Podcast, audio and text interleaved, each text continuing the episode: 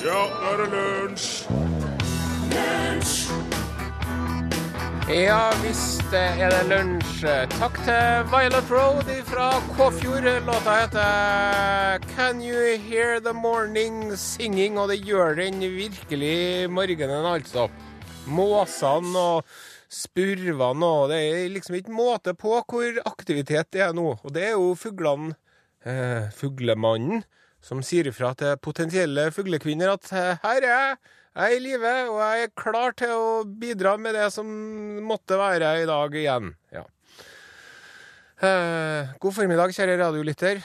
Dette er Lunsj på NRK P1. Mitt navn er Are Sende.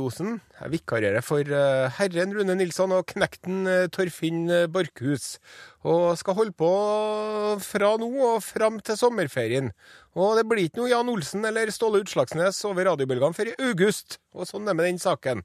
Men jeg vil nå gjerne få informere alle dere som har Jan Olsen-abstinenser, at dere kan laste ned alle, alle sa jeg, episodene på podkast. Ja. Er det dette lisenspengene går til? Ja, blant annet. Ja. Uansett, eh, nå skal vi snakke innledningsvis om eh, alle dere anonyme hverdagsheltene der ute. Dere vet eh, sjøl hvem dere er. Dere driver kanskje ikke og kjører Tesla. Dere går kanskje ikke i dress. Renn kanskje ikke 10- og 20-kroninger og 50-lapper ut av ræva deres når dere går bortover gata, men uten dere så hadde ikke det gått. Nei. Vi snakker om ja, sykepleiere, barnehageonkler, barnehagetanter, lærere. Dere vet sjøl hvem dere er. Respekt til dere. Og det er en lang liste, det her. Eh, og kunne ha nevnt sanglærere, korpsdirigenter osv., osv. Og så har vi én til, og det er en enkeltperson helt nederst på listen, som så ofte blir glemt når vi snakker om de her anonyme grå sliterne. Og det er én person som fortjener respekt og ydmykhet fra alle oss andre. Og det er overraskende nok en person tilknytta dette Paradise Hotel-sirkuset. For altså, én ting er å være med som eh, deltaker i Paradise Hotel. Da er man jo ung og dum, eh, og, og hva skal du liksom det er jo ikke noe. Ja. Og en annen ting er å være programleder eller kameramann eller regissør eller å selge reklame eller å klippe det eller lysmann eller lydmann eller caterer. Det er mange vet du, som med å ordne det sirkuset der. Men det er én som er gans ynteren på denne listen. Hør nå. Det fins en person i Norges land som skriver om Paradise Hotel og hva som har skjedd siden sist, hver dag på avisa Nettavisen. Og som sagt, respekt til deg. Snakk om viljens triumf. Snakk om å bite tennene sammen og legge skuldra til hjulet. Snakk om å sette andres behov foran sine egne. Snakk om ikke å spørre hva Paradise Hotel kan gjøre for deg, men hva du kan gjøre for Paradise Hotel. Snakk om å ta hjem baconet, koste hva det koste vil. Du. Paradise Hotel-blogger der ute. Jeg skal ikke nevne navnet ditt. Kanskje du ikke vil bli outa på norsk radio. Kanskje mora og faren din tror du holder på med noe helt annet. Men det skal du vite, jeg er stolt av deg. Jeg er imponert. Jeg tar av meg hatten. Og hvis du noen gang trenger en referanse til noe jobbintervju, hvis du noen gang bestemmer deg for å skifte beite, I'm your man! Sett meg opp på referanselista di. Ja. Nå ønsker vi velkommen til vår uh, denne ukens medprogramleder, Lars Nilsen. Hei, Lars. Hei, Are. Hvordan står det til? Det står veldig bra til, og jeg gleder meg til å komme i gang. Og så er jeg jo litt uh, matt av uh, respekt for din måte å gripe dagen i dag an på. Takk for det. Takk for det. Du, uh, du har jo filosofisk tyngde så det holder. ja, ja, jeg så holdt på å synke. Den, spra den sprakk jo, den, den filosofivekten, når du stilte deg oppå den. Og du vet jo, at du er jo du er jo på grensen til smartere enn meg, Lars Nilsen. Ja, og det, det, er jo ikke godt å være.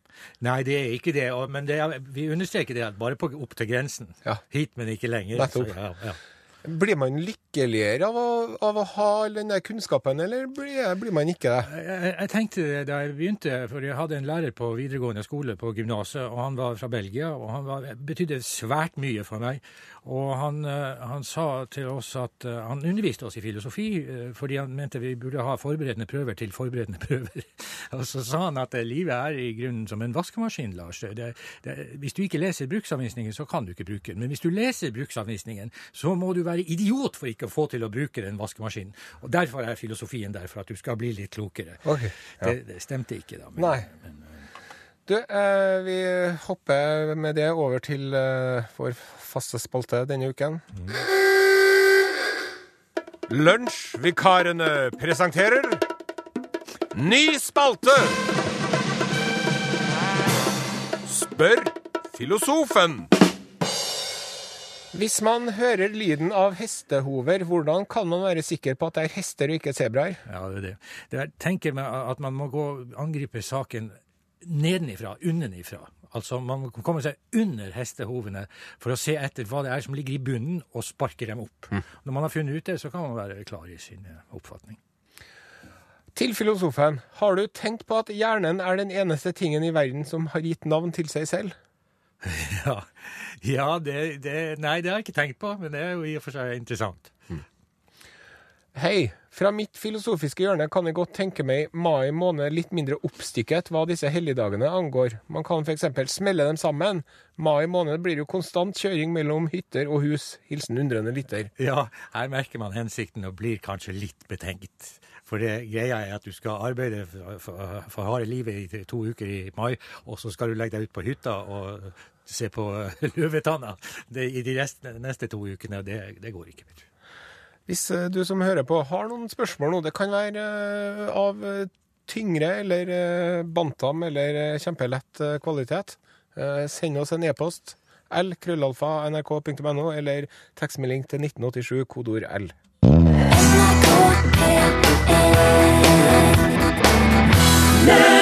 Du lytter til Lunsj på NRK P1 eh, denne uken med Lars Nilsen og Are Sende Osen. Og eh, det slo meg jo her eh, nettopp, Nilsen, at vi har jo ennå ikke snakka om Winston Churchill i løpet av hele uka. Vi har ikke sagt så mye som et, en pause om Churchill. Nei. Helt tyst. Og det her må vi jo gjøre noe med.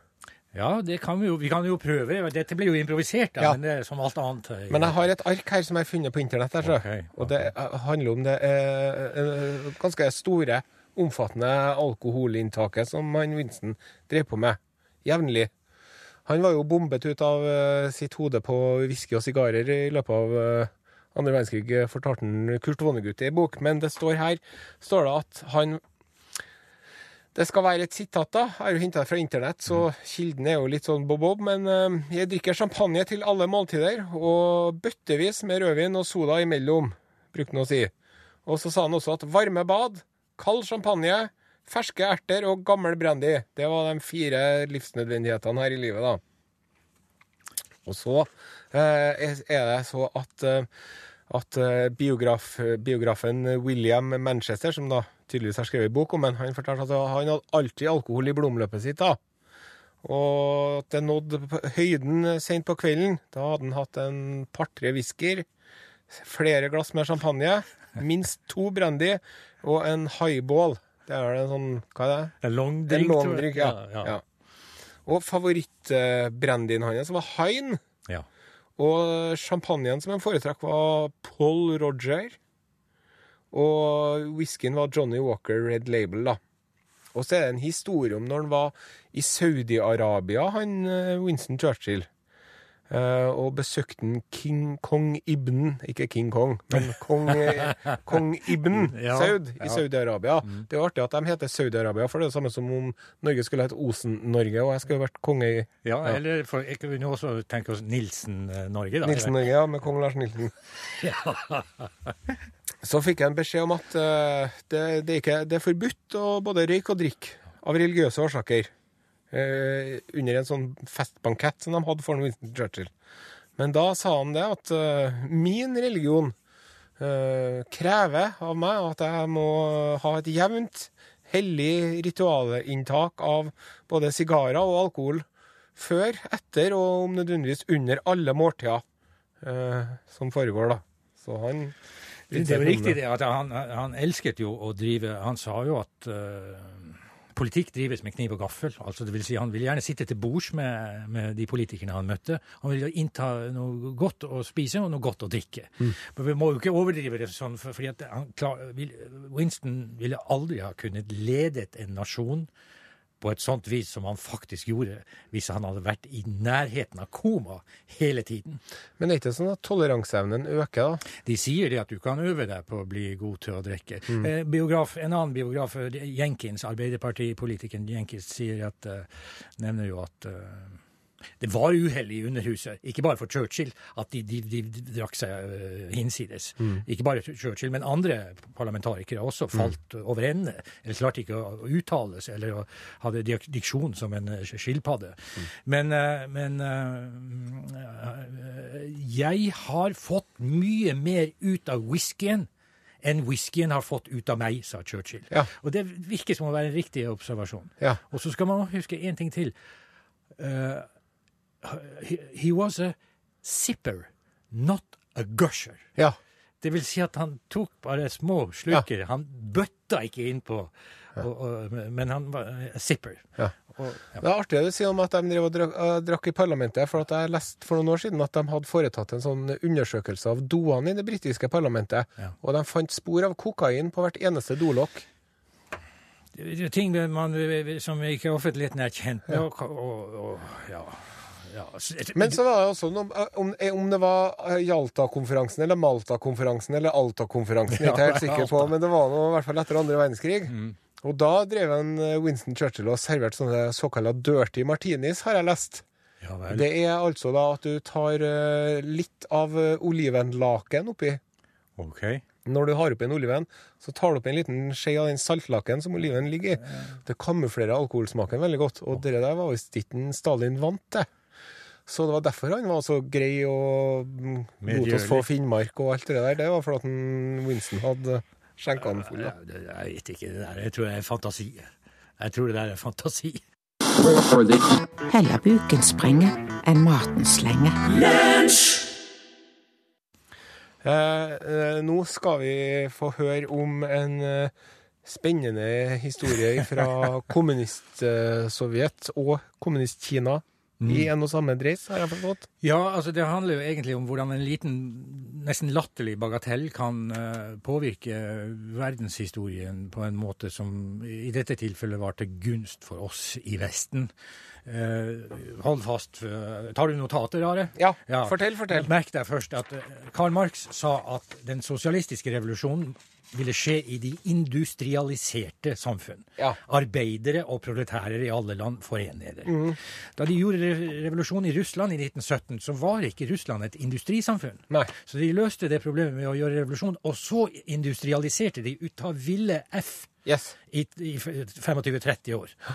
Og eh, midt på 1930-tallet så sa Josef Stalin at nå er det sosialisme i Sovjetsamveldet. Hurra for det. Og I 1949 så fylte Josef Stalin eh, 70 år, og da inviterte han en kineser som han kalte for en huleboer-marxist. Ja. Det var Mao Zedong. ja, nettopp. Ja. For han hadde gjort revolusjoner revolusjon, eller arbeid for harde livet for å gjøre revolusjon i Kina, som var et tilbakestående jordbrukssamfunn. Det går jo ikke an. Nei. Så for å liksom gi han en liten kilevink, så, så inviterte han han til 70-årsdagen sin i men, eh, Og Mao kom for at han tenkte at nå blir det juba-juba Ja. og voi-voi her. Men de parkerte han et langt stykke utafor festlokalene i et lite uh, trimrom, tror jeg, med, med en sofa og en, et pingpongbord, og det var det. Ja. Så Mao surna jo. Ja. Så han skrev det opp i uh, skrev- Den lille røde boken Skrev sin. opp i den der uh, Stalins 70-årsdag Ja. ditt feiring. Skal hevnes!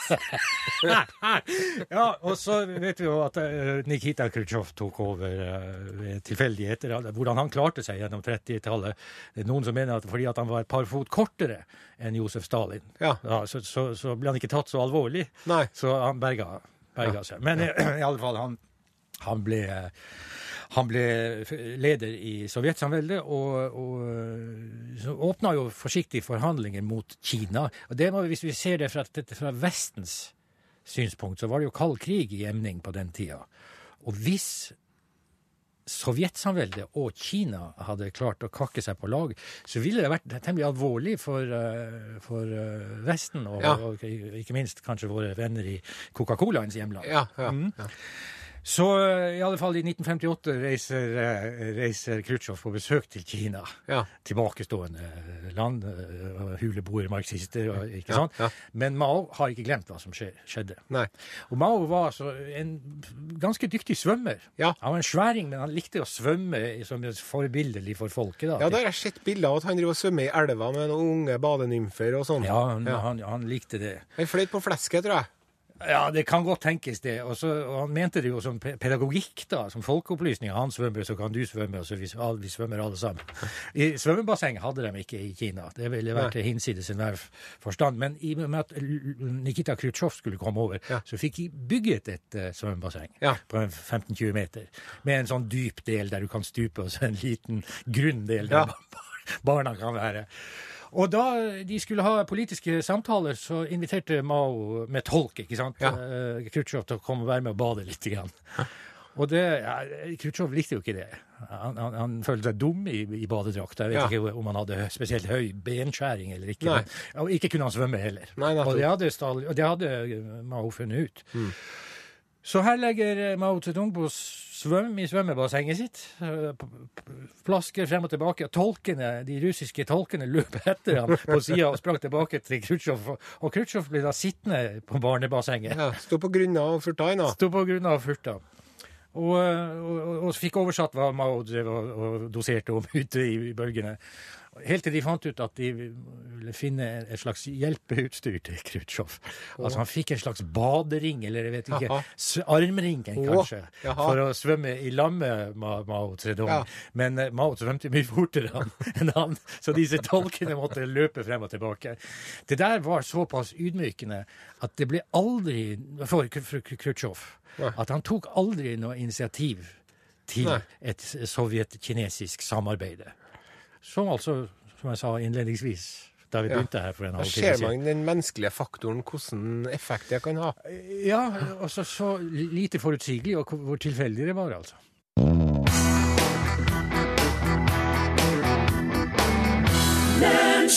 Det er, har seg sånn at jeg driver og hører på mm, nyheter om morgenen, vet du, Lars. Ja, det vet jo jeg. Eh, og så mm, hørte jeg på nyhetene i dag, og da var det snakk om at eh, det er altså i, eh, når det er litt sånn pophistorie på gang, eller musikkhistorie, for at klassisk søskenpar topper VG-lista.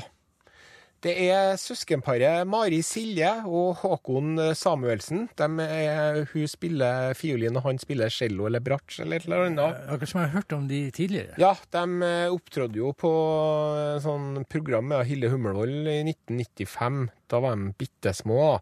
Ja, og de har holdt Åtte og seg fem til eller noe. Så eh, de er jo ikke bare veldig musikalske. Jeg ser bilder av dem her på internett. De er- ser sjarmerende ut òg. Og så nå har de gitt ut ei plate, da. Som er på toppen av VG-lista. Sier du det? Ja. Og det er for første gang siden 1995 at en norsk plate med klassisk repertoar topper landets viktigste albumliste. Du ser, hvis, hvis de holder seg til sin leste, til sine instrumenter, bratsj og, og, og, fiolin, Ja. eller cell- cello og fiolin, så, så, så betaler det seg. ikke sant? Etter Ja. så mange år så kommer de jo ut som virtuoser. Men jeg stussa sånn når jeg hørte på nyhetene over, over, eh, over eh, navnet på platen. Fortell. Den heter Padde død. Sa ikke du i sted at jeg var litt under ditt nivå i uh, Ja, Jo, jeg, erkjennelsesteoretisk? jeg våga meg med den eh, påstanden, ja.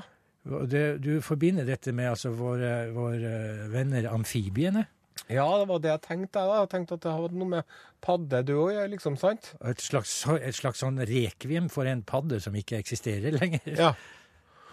Men jeg tok jo feil, jeg, vet du. Jeg tok jo helt uh, riv ruskende feil. For at det er jo eh, Jeg skal se om jeg får til det her nå. Det er jo alltid like spennende. Jeg trodde at det var padde død. Nei, nå har jeg sava noen ting som ikke Fader uttan, Lars. Jeg hadde jo, jeg hadde jo Det var riktig det at døde padder er helt stille. Ja. Men jeg hadde jo tatt, funnet tak i en padde som kvekka, Ja. og så hadde jeg en bil som kom kjørende, Ja. og så sa det splett. Ja. Ja, men så har ikke jeg Her er det! Skal vi se her nå. Vi prøver en gang til, da. Nå må lytterne ha meg unnskyldt her, så kan du Skal jeg trø Trø vannet? fortet litt. Ja, det jeg ville gjort da, det ville jo gått og hente meg en stor balje med vann. Og så ville jeg tatt av meg sokkene og skoene, og så trå, tråkka oppi der. Vi prøver en gang til. Nå. Nei, det går ikke. Vil seg ikke i dag, det der. Nei, det vil seg ikke. Og så nå må vi også trø vannet inn. Her, er- det her, nå tar jeg sjølkritikk. Det her er ikke bra. For nå må jeg slette fire sånne innslag som jeg har laga her, da, vet du.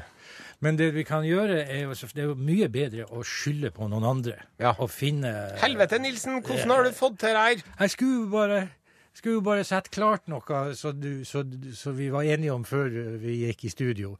Men så. Her. Setter på musikk og glemmer alt. Peggy Lee, låta etter Fever. Peggy. Lee.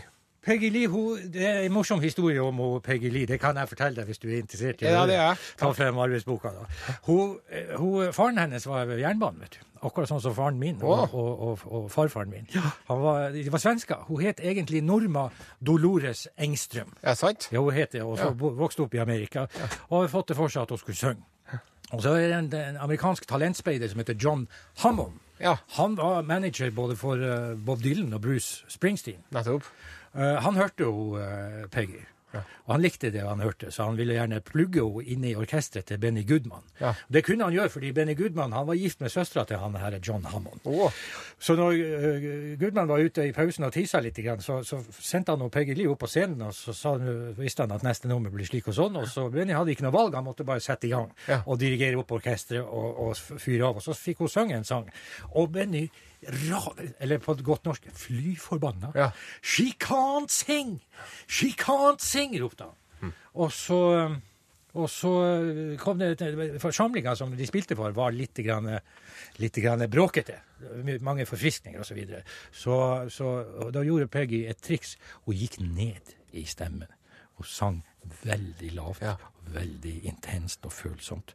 Og da tidde de stille ute i forsamlinga og hørte etter på sangen. Ja. Da fikk hun jobb hos Benny Goodman. Du Sånn, ja. sånn var det den saken. takk skal du ha, Lars. Og her har han Pål Plassen kommet. Hallo, hallo. Hei, hei. Hallo, Pål.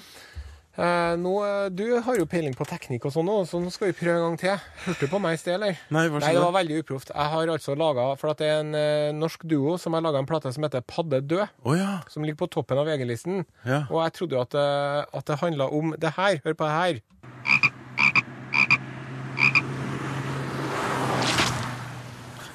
Altså en padde som dør. Ja.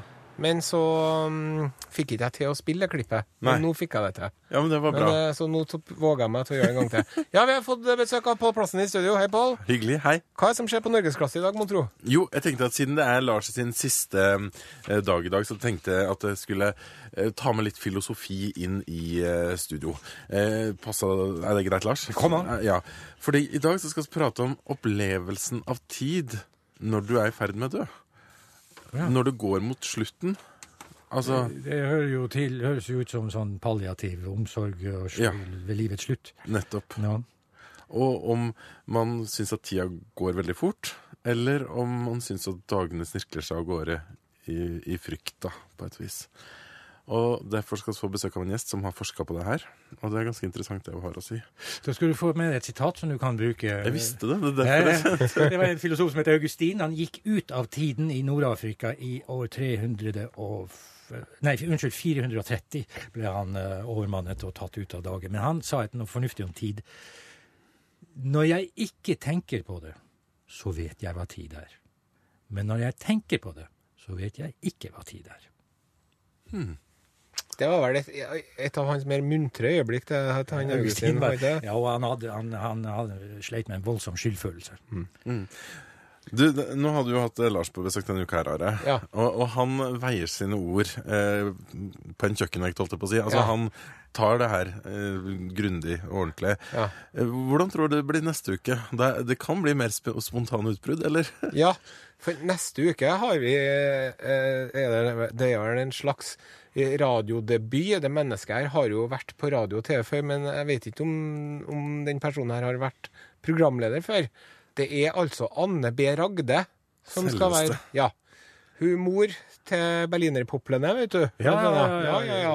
Hun eh, har allerede sendt meg en lang mail med tema hun ønsker å ta opp. Så det tror jeg kan bli veldig veldig spennende, altså. Og Anne B. Ragde er jo bare å putte på en femkroning, og så går jo praten. Ja, altså hun var jo her på Jeg husker henne jo. Hun skrev små kommentarer før hun ble verdensberømt. Ja. Altså Tidlig på 90-tallet så var hun her og skrev små kommentarer og kåserier. Og som har drevet og lest, så hun har vært på radioen før, da. Åh, hva du tror. Ja, selvfølgelig har hun det. Men, men Jeg altså, håper, hvis du hører på Anne nå, så må jeg be om unnskyldning, da. Men Lars er jo, er jo veldig klok. Men jeg syns også at Anne er litt sånn klar og klok, hun også. altså. Hun synger jo rett fra levra Ja. eh, når hun har noe å melde. Ja, det- det blir spennende. Jeg gleder meg til å høre det. Bare et lite innskudd. Jeg har nå fotografert eh, Are Sende Osen bak eh, ved flygelet, altså, som folk kan se for et eh, kaos av maskiner og knapper og skjermer. Et romskip. Ja, det er verre enn et romskip. Så det skal jeg få hjelp av en voksen til å legge det ut på Facebook, så kan man se. Vi har fått inn en tekstmelding vi skal avslutte med. Om ikke klauvskjæreren kommer på mandag, så blir mandag den første gangen jeg har fri på en helligdag i mai siden 2004. Lurer på å bruke dagen til en dagstur til mine besteforeldre som bor 15 mil unna Helsing. Melkebonden. Det syns jeg det skal gjøre, Melkebonden. Og med det så sier vi takk for oss. Takk for oss. Ha en fin dag.